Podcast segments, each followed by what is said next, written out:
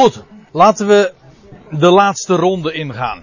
Voor wat betreft deze passage. En dan denk ik dat we de volgende keer er verstandig gaan doen om vers, te beginnen bij vers 29. Eigenlijk een heel ander onderwerp. Hoewel Paulus daar dan weer de draad oppakt die hij uh, eerder had losgelaten. Dit is eigenlijk een, een tussenzin, een, wel een hele mooie. En ook uh, absoluut het hoogtepunt. Een van die dingen die uh, ik zo, hier zo schitterend aan vind, is dat Christus daadwerkelijk alles ook succesvol gaat beëindigen. Dus hij heerst maar niet tot in eeuwigheid, zoals altijd maar gedacht wordt, dat daar nooit een einde aan komt. Nee, hij gaat heersen totdat hij alles onderworpen zal hebben. Inclusief dat er, en de laatste regeringsdaad van hem zal zijn, de dood wordt teniet gedaan. Oftewel, dan worden allen levend gemaakt. En dan wordt het dus tijd voor zijn, zoals het met een mooi woord heet, zijn abdicatie. Een woord dat ik uh, tot vorig jaar eigenlijk nog nooit uh, of zelden hoorde. Maar sinds Willem-Alexander, nee, sinds uh, koningin Beatrix troonafstand heeft gedaan, is het begrip ook in Nederland ingeburgerd de abdicatie, de, het afstand doen van de troon. Wel, dat is wat de koning der koningen zal gaan doen. Dan valt er niets meer te, te heersen of heerschappij uit te oefenen. Alles zal zijn onderworpen. Dat is wat in deze verse naar voren gebracht wordt. Geen vijand. En de enige, en, en, en de dood die tot dan een functie vervulde. Nou, sowieso ook wanneer Christus zijn heerschappij aanvangt, dan zal de dood een belangrijke functie vervullen, namelijk door zijn vijanden daadwerkelijk ook teniet te doen en buiten werking te stellen. Maar de dood zelf is ook nog een vijand. Dus in feite doet hij vijanden teniet door de laatste vijand. Maar ook die dood wordt teniet gedaan. En ja, dat is een, dat is een blinde vlek in het gebruikelijke sorry dat ik het zeg, evangelie. Want het probleem is, als de dood niet teniet gedaan wordt, kun je dan nog spreken over een evangelie.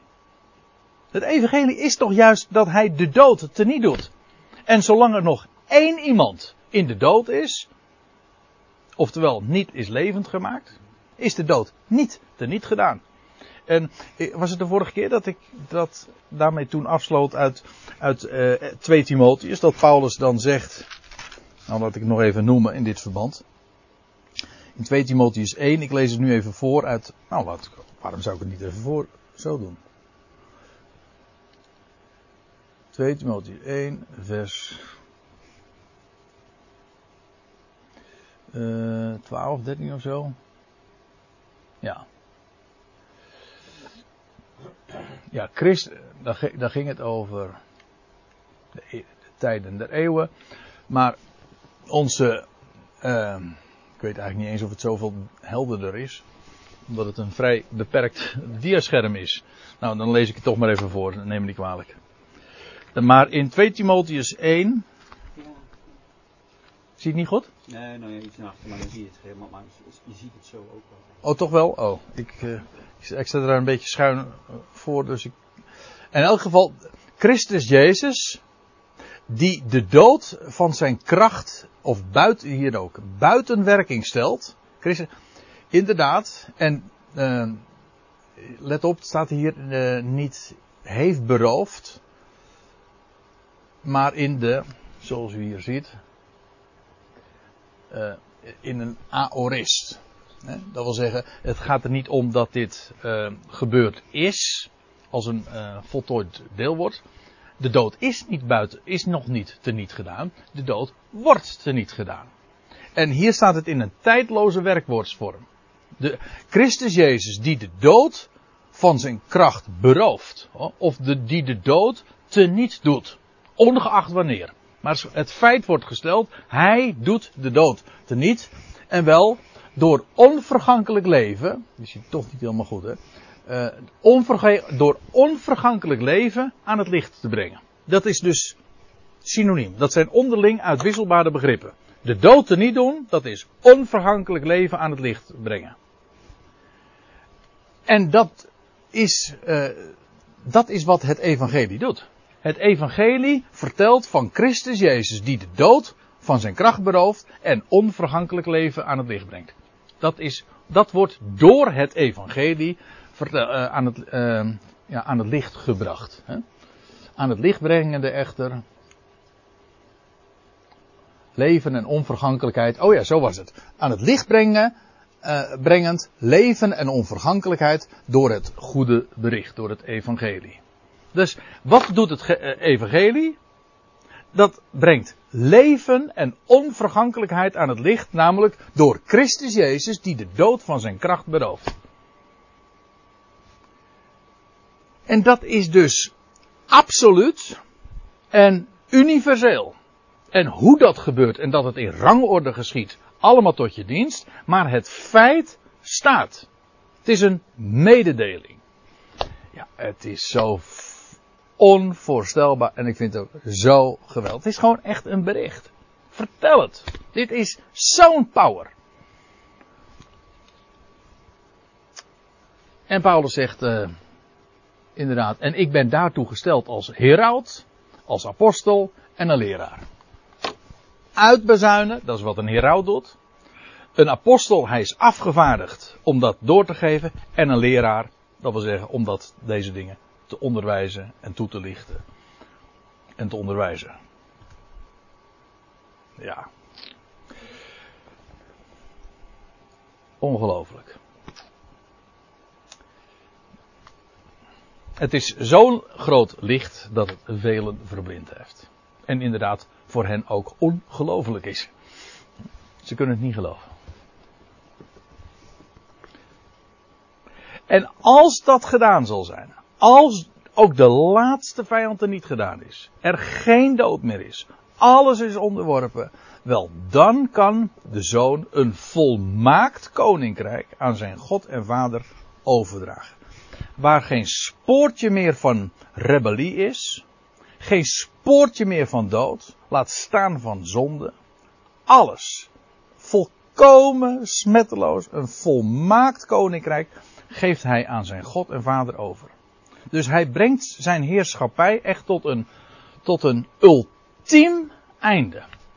Dat is de uitkomst van de heerschappij van Christus en daarmee dus ook van de God die hem dat heeft toevertrouwd. God heeft hem een taak gegeven. Namelijk om alles aan zijn voeten te onderwerpen. Tot de laatste vijand aan toe. Dat wil zeggen dat er geen dood meer is. Want we hebben een levende God die het niet kan verdragen dat de dood het laatste woord zou hebben. En dat is juist de grote ellende bij de gangbare theologie. De dood heeft wel het laatste woord. Daar komt nooit meer een einde aan. Of zoals dat dan heet, ik ben er zelf mee opgevoed. Het, het, het, het, lot van velen, dat is de nimmer eindigende dood. De eeuwigheid. Hè? De nimmer, ik, ik, ik, uh, ik heb die, uh, dat begrip heel vaak gehoord. De nimmer eindigende dood, waar zij dan trouwens nog onder verstaan de meest afschuwelijke vorm. Namelijk uh, een eindeloze pijniging zelfs. Dat is, en dat is. Ja, maar weet je, het ergste. ik weet niet of ik dat zo mag zeggen. En of, u, of jij het daarmee eens bent. Het ergste vind ik het nog niet eens voor de schepselen. Ja, het is afschuwelijk. Het is afschuwelijk.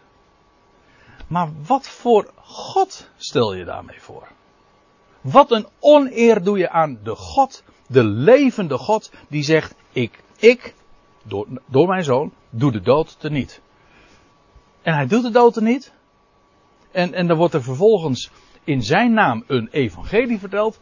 Waarbij de dood juist niet teniet gedaan wordt en mensen gewaarschuwd wordt voor de nimmer eindigende dood.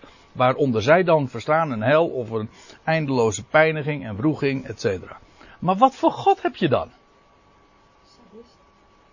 Een sadist, maar ook een loser. Die altijd een nakijk heeft. Want het is ooit misgegaan in het begin. Dus toen raakte hij al, al in, in de aanvang raakte hij de controle kwijt. Nou, sorry, maar uh, dat is een zul. Dat is, geen, dat is niet de God van de Bijbel. Dat is iemand die gewoon. Afgelopen zaterdag hadden we een uh, hele mooie uh, conferentie.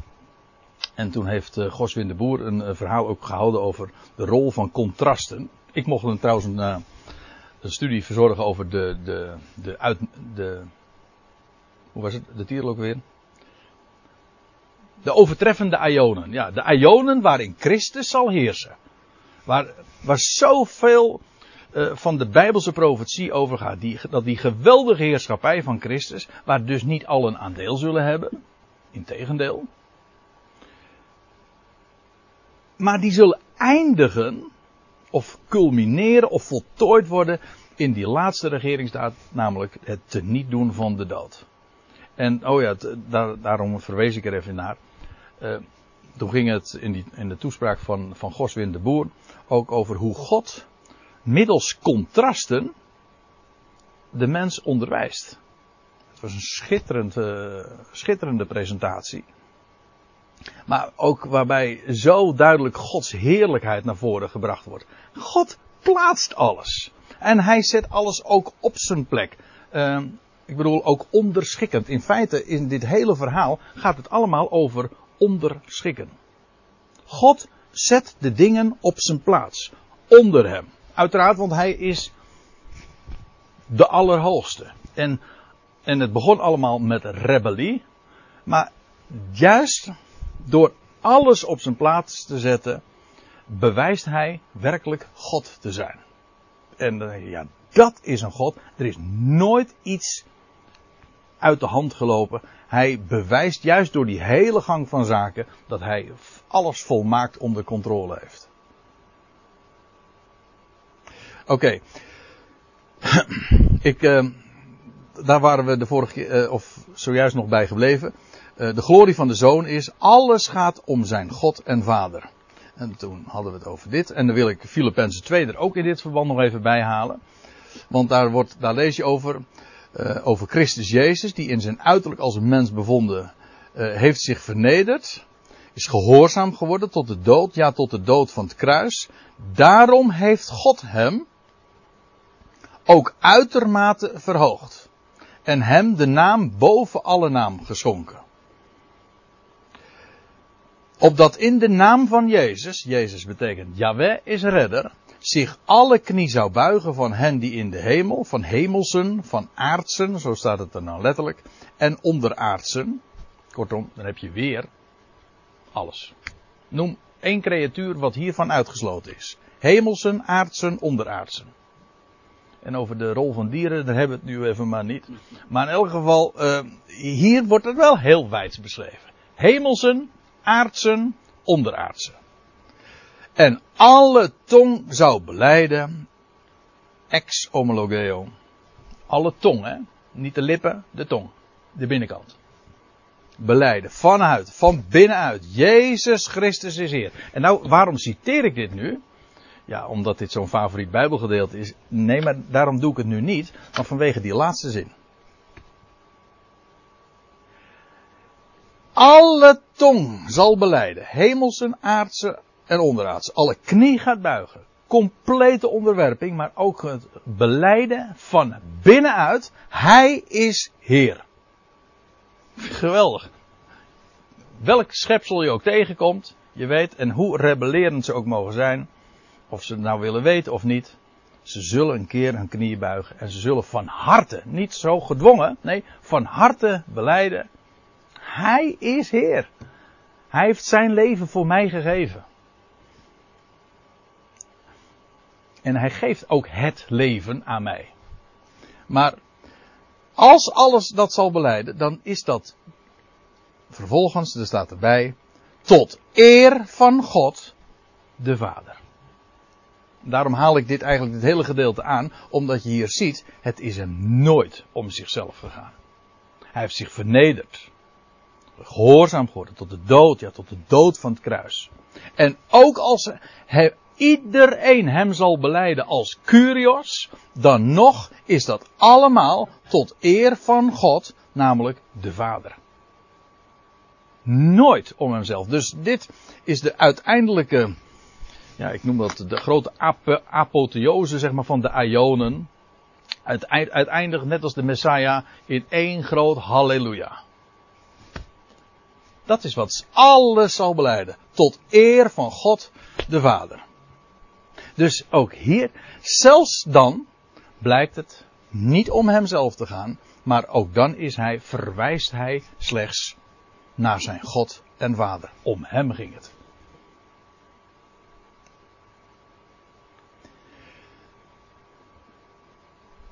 Opdat God zei, u ziet hier, de God. ja, hij is de, de plaatser. Dat is wat God toch betekent. Opdat de God, opdat het zal zijn, de God. Tapanta. Dus het uh, in allen. Opdat God zei, de God, alles. Ja, ik, ik hou ervan om het zo voor te stellen. Voor de Ionen. God was alles in zichzelf. Nu, je leest het in Colossenses 2 vers 9, is God alles in Christus. Al, heel de volheid der Godheid woont in hem lichamelijk. Maar uiteindelijk, bij het einde, bij de laatste levendmaking, na de abdicatie van Christus, als hij het koninkrijk zal overdragen aan God de Vader, dan zal het worden God alles in allen. Zoals hij nu alles in Christus is, zal hij straks alles in allen zijn. Ik denk dat we er geen flauw idee van hebben wat dat betekent. Want uiteindelijk, je, want als mensen nou vragen, ik, juist vorige week, eh, oh ja, dat was tijdens die zaterdag, die studiedag, kregen we die vraag ook nog. Hoe moet ik me dat voorstellen? Geen flauw idee. Echt, ik heb geen flauw idee. Ik, ik, ik zie wel, dit is zo, ik wou haast zeggen fabelachtig, maar dat mag ik natuurlijk niet zo zeggen. Dit is zo onvoorstelbaar. God alles in allen. Zoals hij nu alles in Christus is, zal hij dan alles in allen zijn. En die allen zijn hier in ieder geval, daar hadden we het in de pauze al even over, in ieder geval de allen die in Adam sterven. In ieder geval. Want daar ging het hele verhaal over. Nou ja, als je er nu wel een fractie van zien, dan kom je op hetzelfde niveau als Mozes, die dan alleen maar gaat uitroepen van die uh, achterste delen. Ja. Ja. Ja, dat, ja. Gij zult mij niet zo, je kan dat niet zien. Je kunt alleen van achteren, ja. Hier, hier ga je stamelen. Maar ja, eh, uiteindelijk, de, ook het boek Openbaring, de profeten, die spreken eh, in, over, die, ja, alle registers gaan open, over de heerschappij van Christus. Over die uitnemende Ionen, daar gaan alle profetieën over. En hier zien we een glimp over de, waar het allemaal in uitmondt. Namelijk in leven en onvergankelijkheid voor allen. We hebben nu een onderpand van die erfenis, dus het onderpand van de Heilige Geest. Maar niet die volheid zoals Christus die had, toch? Nee. Dan zullen wij ook helemaal vol zijn van Gods Geest. Ja, ja want wat er. eh, ik denk ook, als hier staat God alles in allen. Kijk, straks bij de levendmaking, dan wordt het God alles in hen die van Christus zijn. Maar hier, als, als er eenmaal geen dood meer zal zijn, en dus allen, allen zijn levend gemaakt, ja, dan wordt God alles in allen. En, en hier zijn inmiddels de Ionen voorbij. En eh, allen zijn dan onvergankelijk. Onvergankelijke heerlijkheid. Maar hoe dat dan zit met de tijd en, en waar dat dan eh, zal zijn. En de schrift spreekt, eh, spreekt er niet over. En ik denk dat als, eh, als de schrift daarover zwijgt, dan moeten we zelf, kunnen we er ademloos en ja, gewoon verstomd bij stilstaan. En, maar ook aanbiddend. Want dit is zo onvoorstelbaar. Dat God dit op het oog heeft. Dit gaat hij bereiken.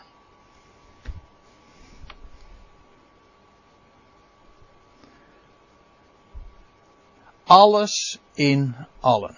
Welke allen? Uiteraard allen die in Adam sterven. En er staat. eh, God alles in allen die zijn levend gemaakt. En nou kom ik toch eventjes nog terug op wat ik het zojuist al even over had. Over die, dat, de rol van contrast. Dat is heel karakteristiek voor alles wat God doet. gedurende de Ionen.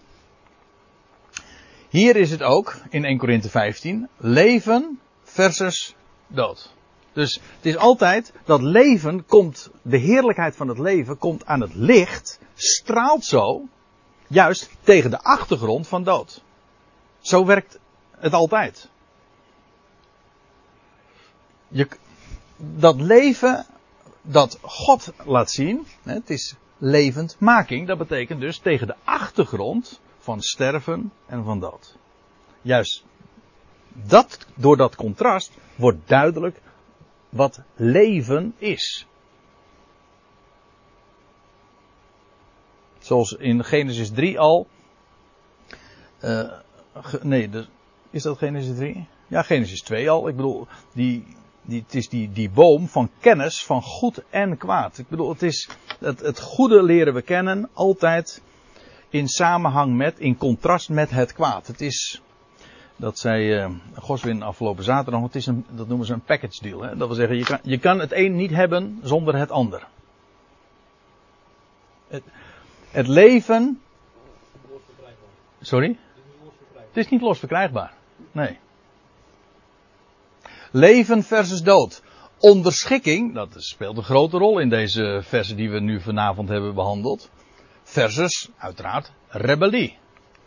Liefde versus haat. Ik moet er eigenlijk ook nog bij zeggen, en vervreemding.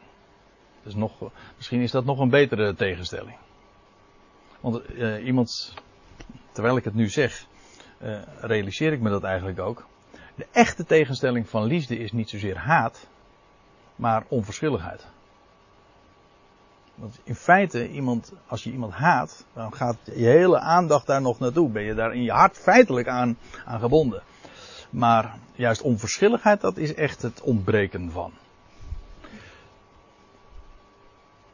Maar ja, als er staat God alles in alle, maar wie is God? God is liefde. Maar hoe heeft hij zijn liefde dan bewezen?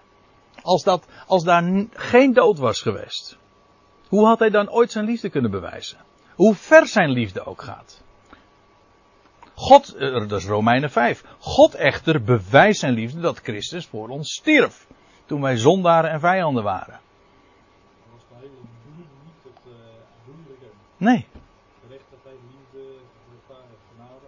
Al die, al die begrippen waarvan we zeggen, die juist de heerlijkheid zijn van het, van het evangelie, die zouden we niet eens kennen.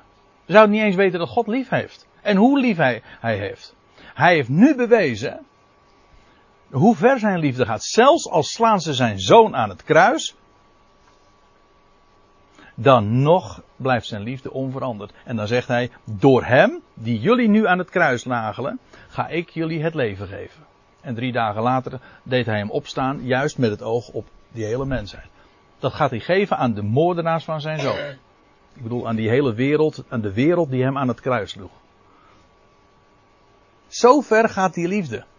En dat zal dan duidelijk worden. Dus ik bedoel er eigenlijk ook dit mee te zeggen. Het, is niet zo dat die hele, dat hele traject eh, waar dat daaraan vooraf gegaan is om hier te komen, dat dat allemaal zinloos is. Nee, in tegendeel, dat was allemaal nodig om deze achtergrond te tekenen, zodat dit alles aan het licht zou treden en zou kunnen schitteren. Als een diamant op een donkere achtergrond. Verzoening versus vijandschap. We zouden het niet eens weten hebben van verzoening. Wat, wat de kracht van verzoening is. Als daar geen vervreemding en vijandschap zou zijn. Of redding versus en tegen de achtergrond van verlorenheid. God heeft allen onder de ongehoorzaamheid besloten om zich over allen te ontfermen. Romeinen 11 vers 32. Maar hoezo? ontferming. We zouden niet eens weten wat ontferming is. Als, als, daar niet, als daar geen ongehoorzaamheid was geweest, geen weerbarstigheid of ellende. Dan heb je helemaal geen ontfermen nodig. Rechtvaardiging versus veroordeling. Nou ja, ik kan nog even doorgaan natuurlijk. Want je kunt nog heel wat meer van dat soort contrasten vanuit de schrift eh, benoemen.